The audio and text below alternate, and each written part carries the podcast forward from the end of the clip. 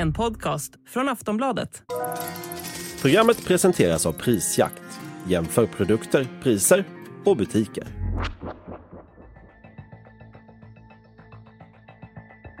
Israel befinner sig fortfarande i chocktillstånd efter terrorgruppen Hamas storskaliga attack. Den ena grymma detaljen efter den andra framkommer om hur attacken drabbat, dödat och skadat civila. Och lördagen den 7 oktober beskrivs som den värsta dagen i Israels historia. Svaret har inte låtit vänta på sig.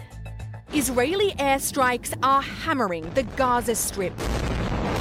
Israel says it's targeting Hamas, which it and the US designate as a terrorist group.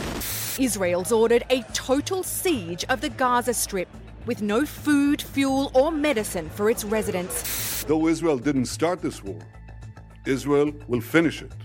Hamas will understand that by attacking us, they've made a mistake of historic proportions. We will exact a price that will be remembered by them and Israel's other enemies for decades to come. Israel angriper med intensiva luftanfall mot Gaza och militären varnar för att man snart kommer att anfalla även via marken. Under de senaste dygnen har de slagit till mot hundratals mål som ska ha koppling till Hamas. Eskaleringen är ett faktum. Israel har också infört en blockad mot Gaza och en kvarts miljon invånare har redan tvingats lämna sina hem enligt FN. Nu är de internflyktingar och tar skydd i FN-byggnader eftersom det inte finns några skyddsrum åt civilbefolkningen. Läkare utan gränser meddelar att det råder katastrofläge i området. Gaza kommer aldrig bli sig likt, säger Israels försvarsminister Joav Gallant. Israel has sealed all crossings into Gaza, and the only crossing from Gaza into Egypt at Rafah has been hit by Israeli airstrikes. Well, both sides have accused the other of war crimes. Israel has accused Hamas of torturing and murdering babies and children in attacks which began on Saturday. Hamas är en islamistisk palestinsk rörelse med civila, politiska och militära grenar som är terrorstämplade av bland annat EU, USA och Storbritannien. De tog kontroll över Gazaremsan i ett val 2006 och har styrt sedan dess. I dagens avsnitt ska vi rikta in oss på just Hamas. Vilka är ledarna? Vad har Hamas för kopplingar till andra länder och organisationer? Hur finansieras de och hur hade de möjlighet att slå till mot Israel på det här sättet? Välkommen till Aftonbladet Daily. Jag heter Olivia Svensson och det här avsnittet är inspelat den 11 oktober. Gäst i dagens avsnitt är Mikael Schultz, professor i freds och utvecklingsforskning vid institutionen för globala studier vid Göteborgs universitet. Välkommen Mikael! Tack! Om du börjar med att berätta hur och varför Hamas grundades. Ja, Hamas bildades i december 1987 och det var ett resultat av att det då pågick eller påbörjades ett folkligt palestinskt uppror mot den israeliska ockupationsmakten där då Hamas blev så att säga alternativet till den nationella rörelsen PLO med Fatah som huvudparti. Där man då tyckte att det var för lite islamska värderingar och man tyckte också att PLO inte hade rätt kampmetoder. Och kom också att använda mer av våld i förhållande till det stort sett eh, civila motstånds, eh, icke-våldsliga motståndet som fanns på den tiden. Hamas tog ju kontroll över Gazaremsan 2006 och har styrt sedan dess. Vilket är Hamas uttalade mål nu? Vilket är liksom syftet med organisationen? Ja, precis som när man bildade så skrev en eh, så att säga, stadga för sin framtida politiska målsättning så var ju ett av huvudmålen att befria Palestina från israelisk ockupation. Andra var ju förstås att på något sätt få igenom de religiösa värderingarna som skulle genomsyra samhällsstrukturen på olika sätt. Eh, sen när man då vann det palestinska nationella valet som hölls i hela Palestina, både Västbanken, östra Jerusalem och Gazaremsan, då fick man egen majoritet, men då bjöd man in oppositionen, PLO och Fatah, till en koalitionsregering, en slags samlingsregering som skulle framförallt då gemensamt jobba för att bli av med den israeliska ockupationen och få bildat en palestinsk stat. Men det tyckte inte oppositionen om och framförallt då Fatah började så att säga göra motstånd och eh, på olika sätt hade hemliga planer för att försöka göra sig av med Hamas och den planen kom att avslöjas vilket då gjorde att i Gaza tog man över kontrollen då 2006-2007 samtidigt som Fatah tog över kontrollen på Västbanken och så blev det en kamp mellan de här två om vem som var den legitima palestinska myndigheten. Och hur har Hamas lyckats upprätthålla den här kontrollen över Gaza? Ja, alltså man har haft kontroll, dels för att man då körde ut Fatah och hade helt enkelt dels en, en bättre säkerhetsstyrka som var starkare så att man militärt kunde göra sig av med Fatah från Gazaremsan. Men samtidigt så tog då Fatah över kontrollen på Västbanken och kastade ut Hamas från, från maktstrukturen i den palestinska myndigheten. Och sen dess så har man då bedrivit en politik eh, och försökt befästa sin maktställning i Gazaremsan och det har tack vare å ena sidan säkerhetsstyrkornas förmåga att förhindra att Fatah kommer tillbaka eller att med hjälp av Israel att man tar över. Och dels genom den politik som man försökt få, få med och bygga upp ett välfärdsprogram för de fattigaste i det palestinska samhället. När vi kommer tillbaka efter den här korta pausen ska vi prata mer med Mikael Schultz. A lot can happen in the next three years.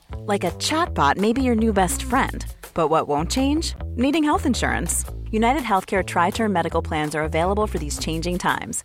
Underwritten by Golden Rule Insurance Company, they offer budget friendly, flexible coverage for people who are in between jobs or missed open enrollment. The plans last nearly three years in some states, with access to a nationwide network of doctors and hospitals. So, for whatever tomorrow brings, United Healthcare Tri Term Medical Plans may be for you. Learn more at uh1.com.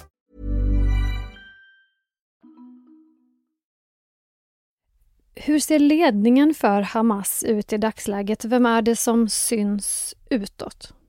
Ja, man har ju en tillsatt politbyrå som tillsätts av det rådgivande Shura Council som det heter, ett religiöst framvalt partiorgan kan man säga som då utnämner ungefär 10-15 personer som ska sitta i politbyrån. Man namnger inte alla personer för att man vet att det finns en risk att israelerna då avrättar dessa ledare. Men utåt, ansiktet utåt, den högsta ledaren i politbyrån, det är Ismail Haniyeh. Och han kommer ursprungligen från Gaza och för närvarande sitter han just i Turkiet.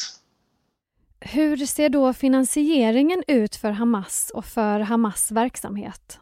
Ja, innan de kom till makten 2006, men även fortsättningsvis sedan 2006, så samlar man ju in pengar via den så kallade zakat-bidraget. Det är ungefär som vi har kollekt i den kristna kyrkan så har man ju den muslimska världen att man tar var tionde andel av lönen, inkomsten till moskén och så har man därifrån då tagit medel för att hjälpa de fattigaste i samhället. Det är den ena sidan. Den andra är då att man har fått bidrag från vissa länder och organisationer. Då nämns ju oftast utav forskarna Iran som en av huvudkällorna, men även Hezbollah-organisationen i Libanon, Qatar, Turkiet och andra organisationer beroende på vilken tidsperiod vi pratar om.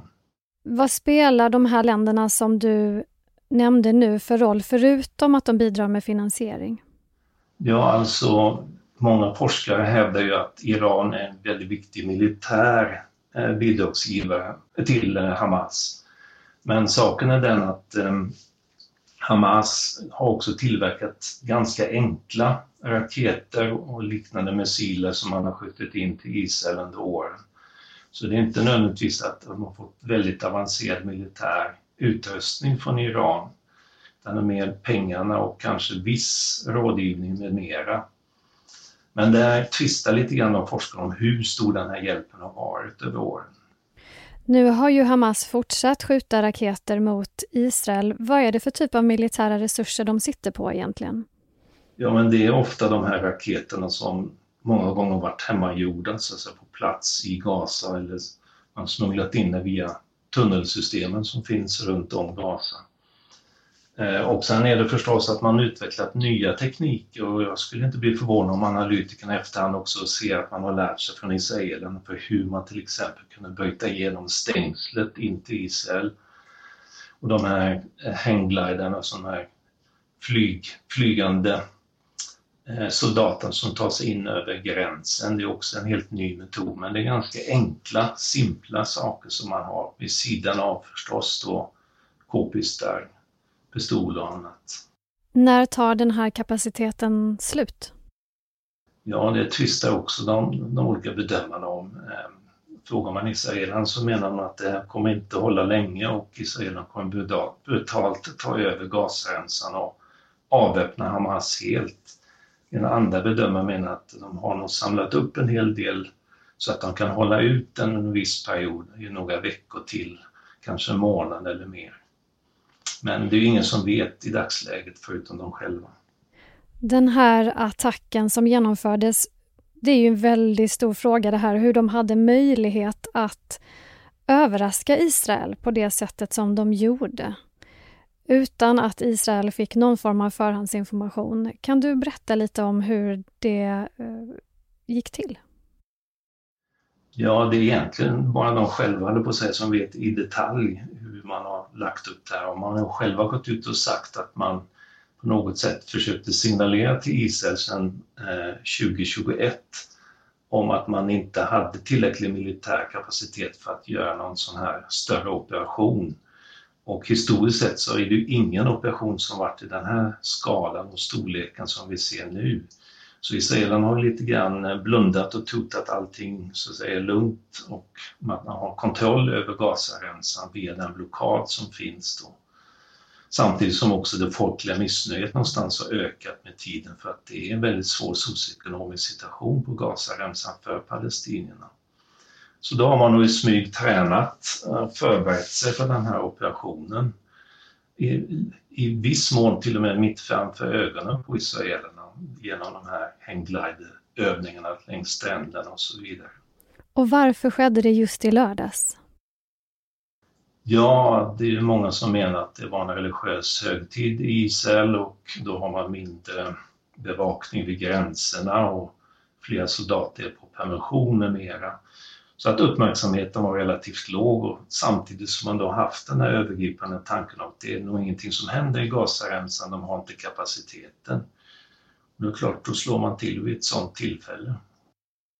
Hamas styr nu över Gazaremsan sedan många år tillbaka, men hur ser förtroendet och stödet för Hamas ut hos det palestinska folket?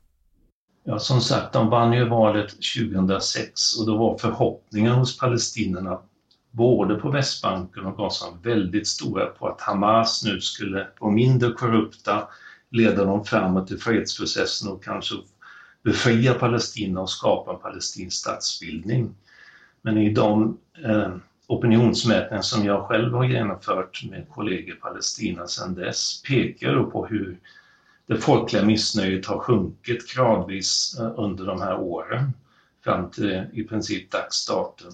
Man kan också se tydligt att just när det har varit krig så står ju alla bakom Hamas för att man anser från palestinsk sida att det är Israel som har skapat ockupationen och är det egentligen den stora boven bakom de socioekonomiska och ja, frihetsfrågor, demokratifrågors underskott som man har i Palestina.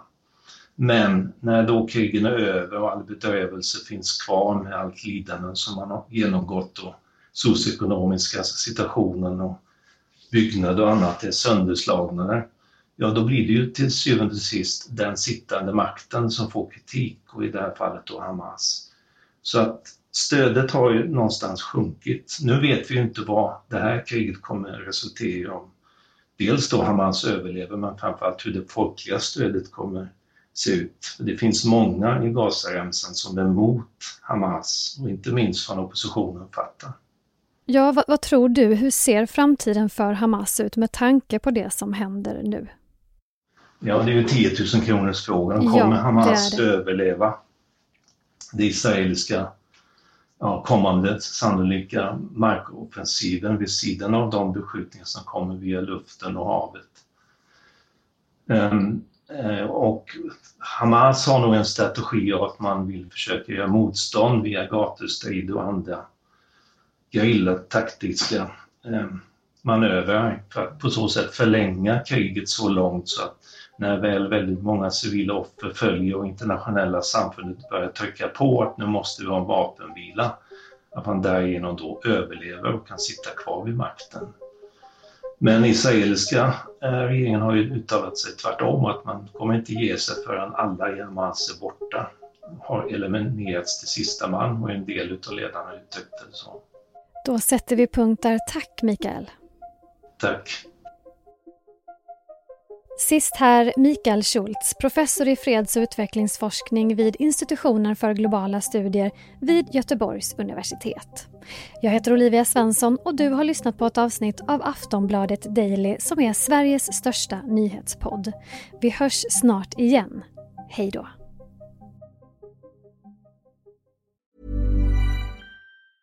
Ryan Reynolds here from Mint Mobile. With the price of just about everything going up during inflation, we thought we'd bring our prices down. So to help us, we brought in a reverse auctioneer, which is apparently a thing. Mint Mobile unlimited premium wireless. Ready to get 30, 30, bit to get 30, bit to get 20, 20, 20, bit to get 20, 20, bit to get 15, 15, 15, 15 just 15 bucks a month. So, Give it a try at mintmobile.com/switch. slash $45 up front for 3 months plus taxes and fees. Promo rate for new customers for limited time. Unlimited more than 40 gigabytes per month slows. Full terms at mintmobile.com.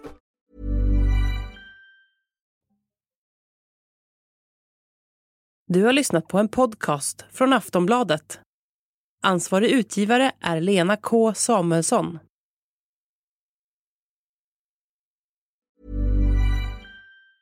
Tired of ads barging into your favorite news podcasts? Good news. Ad-free listening is available on Amazon Music for all the music plus top podcasts included with your Prime membership. Stay up to date on everything newsworthy by downloading the Amazon Music app for free or go to amazon.com slash news ad free. That's amazon.com slash news ad free to catch up on the latest episodes without the ads.